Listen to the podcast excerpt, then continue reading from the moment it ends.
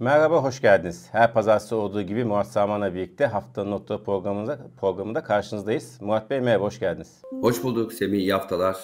Tüm Sağ olun. İzleyenlere, tüm mesele ekonomi ekibine iyi haftalar. Sağ olun size iyi haftalar.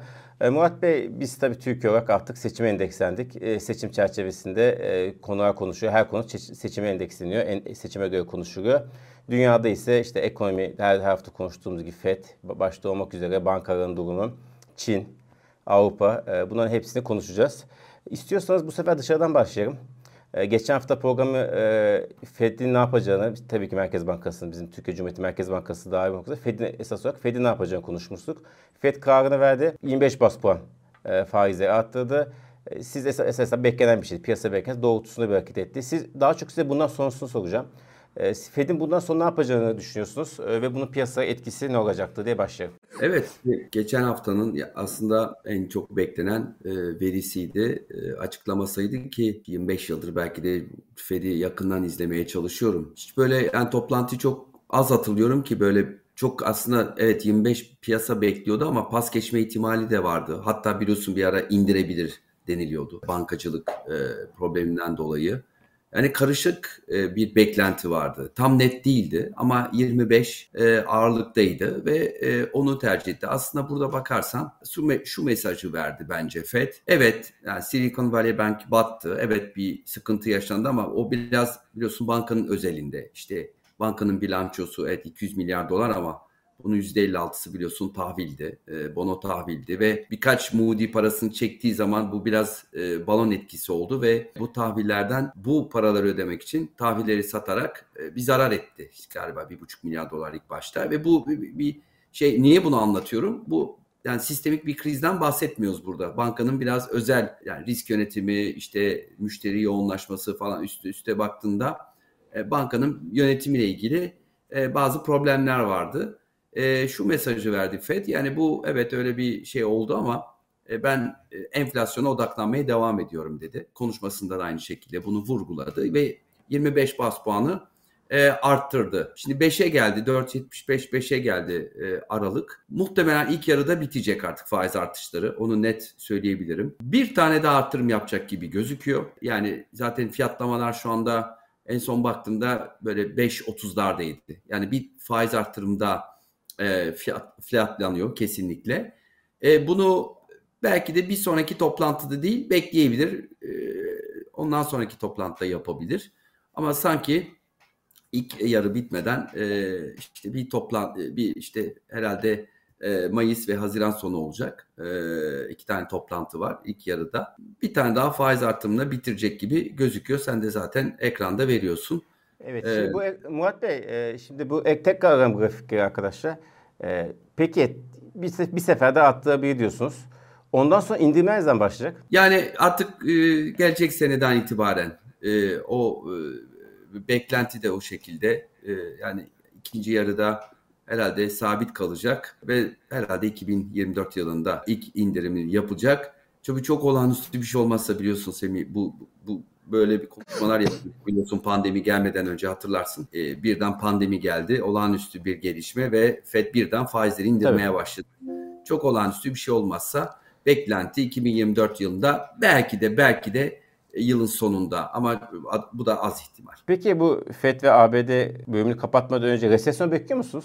Birçokların beklediği gibi yılın son çeyreğinde ABD ekonomisinde. Teknik resesyon ya da e, kısa bir resesyon olma ihtimali yüksek evet. E, özellikle Avrupa e, tarafında. Ama e, işte dediğin gibi iki çeyrek zaten resesyon biliyorsun. Belki de üç ama iki de kalır gibi gözüküyor.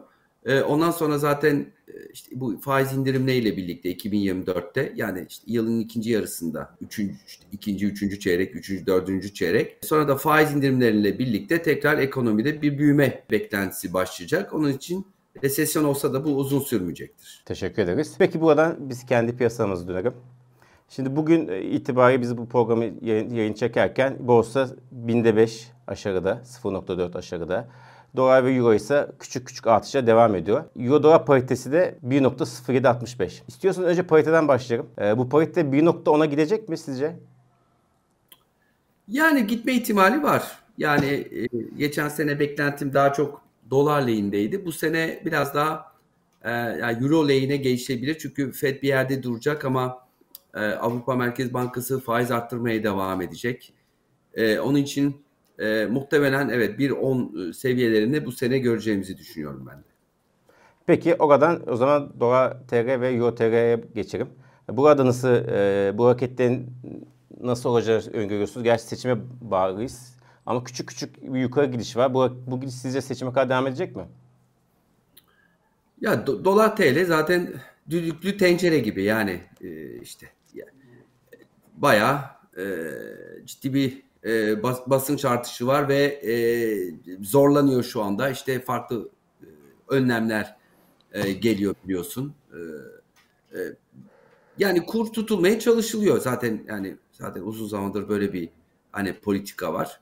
E, yani seçime kadar muhtemelen tutulacak kur. Yani tutulmaya çalışılacak ama bilmiyorum seçimden birkaç gün önce e, işte seçim gecesini riskini almak istemeyenler, seçim sonrasını riskini almak istemeyenler. Şimdi seçimden sonra muhtemelen kur artacak. O öyle bir beklenti var genelde. Yani benim de beklentim. E, nereye gideceğini bilmiyorum ama e, çünkü şöyle düşünelim. Yani bir e, iktidar değişikliği ihtimali var. İşte bu politikaların sonu olacak demektir. İşte Merkez Bankası e, artık kuru tutmayı bırakacaktır diye düşünüyorum.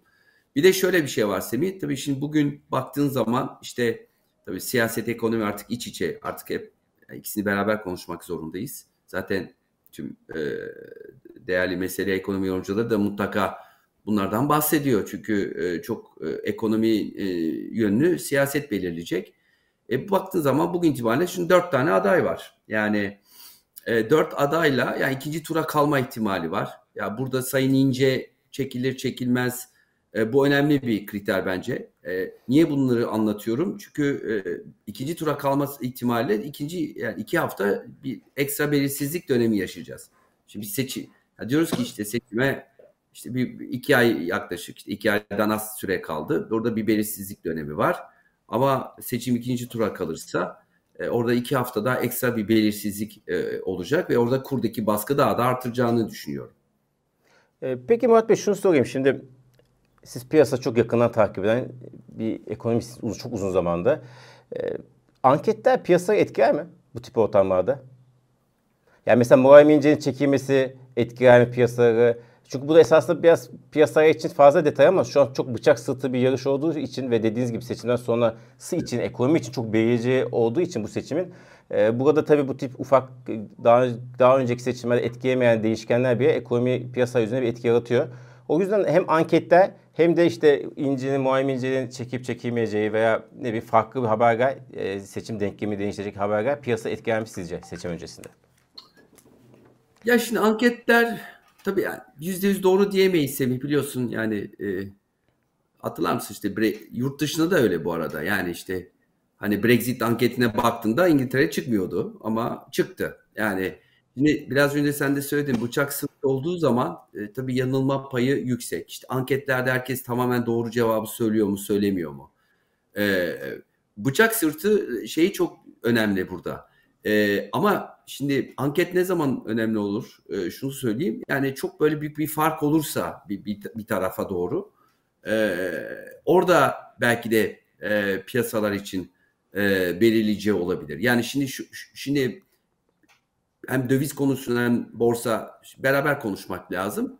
E, şimdi iktidarın değişi, değişme ihtimali şöyle yani yabancılar için şimdi biliyorsun sen de yayınlarda konuşuyorsun işte hani Türkiye hiç tamamen ilgili bırakmış yabancılar yavaş yavaş Türkiye'ye bakıyorlar şu anda. İşte hani anketlere bakıyorlar. İktidar değişme ihtimali var. İşte iktidar değişince işte rasyonel politikalar, ortodoks e, şeyler, politikalar, e, daha çok işte piyasa dostu politikalar. İşte Türkiye'de ucuz, yani borsa e, fiyatlama olarak gelişmekte olan ülkelerin arasında hala ucuz bir borsa. İşte enflasyonist bir ülkeden bahsediyoruz. İşte e, yabancılar da yani küsmüş olan yabancılar için bir e, fırsat olabilir Türkiye.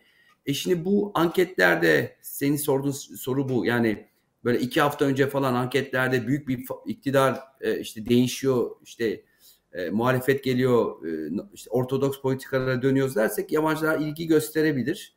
E, şöyle bir şey var evet. E, diğer taraftan da tabii e, belirsizlik şurada hem kurda hem e, borsada. E, işte seçim gecesi seçimden sonra iktidar değişikliği e, tamamen e, şey olacak mı? Yani rahat bir şekilde olacak mı? İşte tansiyon yükselebilir mi falan.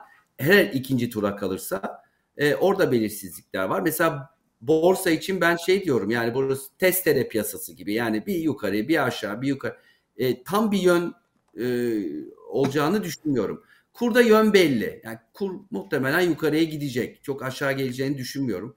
Ha bu arada biliyorsun şeyler de var, beklentiler var işte. İktidar değişirse, muhalefet gelirse işte kur bayağı aşağı gidecek diye.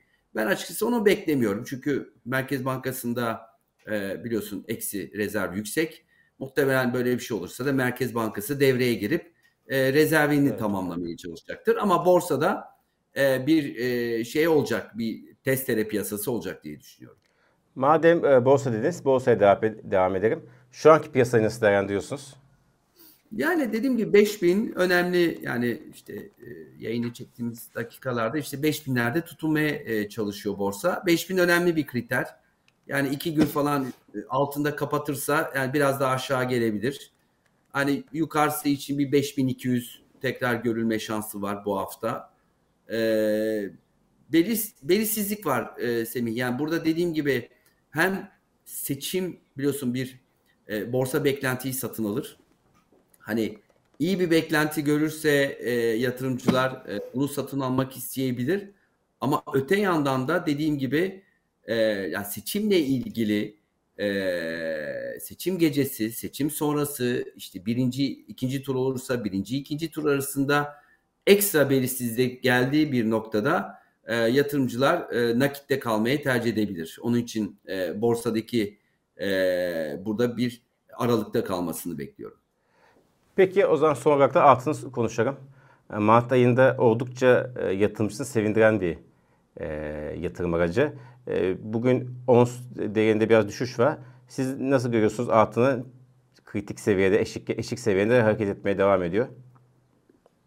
Yani altında bence yani tabii bir 2000 doları gördü, geri geldi. Ben e, tekrar o geçen sene gördüm 2200 seviyelerini e, test etmesini bekliyorum bu yıl. E, işte altının biliyorsun bu bankacılık kriziyle birlikte hani e, alt, riskten kaçış gibi tabii gözüküyor e, altın. Bir de tabii hani Fed'in de bir yerde duracağını varsayarsak ve gelecekle ilgili işte e, faiz indirim beklentiyle birlikte bunlar hepsini altına yarayacaktır ve unutmayalım hala enflasyonist e, dönemindeyiz. E, bütün bunlar e, altına yarıyor. Tabii ki e, dalgalanmalar olacaktır ama muhtemelen dediğim gibi geçen sene gördüğü e, işte 2200 seviyelerini test edeceğini bekliyorum ben bu yıl. Teşekkür ederiz. Şimdi biraz seçim ekonomisi kısmına geçelim. Şimdi biliyorsunuz emekli maaşlarına, e, en düşük emekli maaşına zam geldi. Asgari ücrete de zam olabilecek konuşulmaya başlandı. Esasında bunu tahmin ediyorduk ama direndirmeye başlandı. Herhalde olacaksa bayram sonrasında e, Nisan ayında açıklanacaktır diye düşünüyoruz. Ee, ne diyorsunuz? Bu tip hamleler devam edecek mi de seçim yaklaştıkça? Valla çok önceden yani herhalde yıl başında konuşmuştuk bunu. Yani de, devam edecek. Bütün tuşlara basılacak. Yani o yani benim ve çoğu meslektaşlarım beklediği bir gelişmeydi. Yani seçime kazanmak için yani şöyle söyleyeyim sana e, yarını düşünmüyoruz. Özellikle iktidar yani yarın seçimi kazanalım. E, ne gerekiyorsa yapalım. Yarın yokmuş gibi e, ve tabii tabii güzel bir şey işte EYT olsun işte asgari ücret artışı, emekli maaşı çok önemli. Ama tabii bunlar bütçeye çok ciddi bir yani yarın bunlar çocuklarımıza, torunlarımıza kalacak. Çok ciddi bir yük getirecek e, bütçelere ama e, dediğim gibi e, bu benim bunların yapılması bence değerli ama sanki plan yokmuş gibi yani plansız yapılıyor gibi. E, bunu bu tür önemli adımların planlı yapılması gerektiğini düşünüyorum. E, ama sen de söyledin yani bu seçim ekonomisinde olduğumuz için e, ne gerekiyorsa yani farklı şeyler gelir mi diye çok soruyorlar. Gelir yani hiç belli olmuyor çünkü zaten tek bir merkezden yönetiliyor. E, haftaya da başka şeyler gelecektir. Asgari ücretli olursa da şaşırmam ben de yani hiç. E, e, ta verdiğin tarihi de çok da yanlış bir tarih değil. Bayramdan sonra işte bayram ikramiyeleri var. Ben bayramdan dönüşte bir asgari ücretle ilgili bir şeyler bir adım atılabilir. Şaşırmam yani. Evet tabi bunların hepsinin bütçe etkisi olacak. Önümüzdeki aylarda, yıllarda çünkü bunlar hep yani hep üzerine katlanarak artan maliyetler. Ee, maalesef e, bunun bütçede yansımasını göreceğiz. Vergi ve benzeri şekilde. Onu da söyleyeyim ama tabii ki enflasyon yüksek enflasyon yüksek. Yani şu, e- yarın yokmuş gibi e, yani seçimden sonra yarın yokmuş gibi e, adımlar atılıyor ve atılacak e, Semih. Dediğin doğru. Evet. Şimdi bir de başka bir tartışma konusu, yani seçime endeksi bir tartışma seçime bağlamında konuşulan krediler ve faizler. Ee, biliyorsunuz faiz Merkez Bankası bu sefer pas geçti ama zaten çok düşük bir seviyede politika faizi. Ama hem kredi faizi hem de TL mevduat faizinde bir yükseliş var görüyoruz. Aynı zamanda da kredi büyümesinde kamu bankaları özellikle tabii ki öncüde bir artış var. Önce istiyorsanız bir kredi büyümesi grafiğimiz var onu getirelim. Orada kamu bankaları maviye gördüğümüz kamu bankaları, yeşile gördüğümüz özel bankalar neredeyse e, aynı seviyede. Yani ekstra bir artış yok. Ama kamuda çok kamu bankanın verdiği kredilerde çok ciddi bir yükseliş var. Nasıl değerlendiriyorsunuz? Bu değerde bir seçimin bir yansıması değil mi? E, aynen yani konuştuğumuz e, konunun içinde bu e, Semih. Yani aynı işte. Yani seçim ekonomisi, e, işte e, devletin kontrol, kontrolünde olan kamu bankaları e, ve e, tabii ki yani Türkiye ekonomisinin e, büyüme mot iki tane önemli büyüme motoru var. E, birincisi tabii dışarıdan gelen kaynak ki bu dönemde e, çok azaldı biliyorsun son dönemlerde, son yıllarda. İkincisi de kredi e, kaynağı, e, krediyle büyüyen bir ekonomi. Onun için e, kamu bankaları e, kredi musluklarını e, arttırmaya devam ediyor son dönemde. Çok teşekkür ederiz Murat Bey. Çok sağ olun. Çok teşekkürler. Bu haftanın, bu haftanın sonuna geldik. Haftaya kadar kendinize çok iyi bakın. Çok teşekkürler. Herkese iyi haftalar. Görüşmek Herkese iyi haftalar. Sağ olun.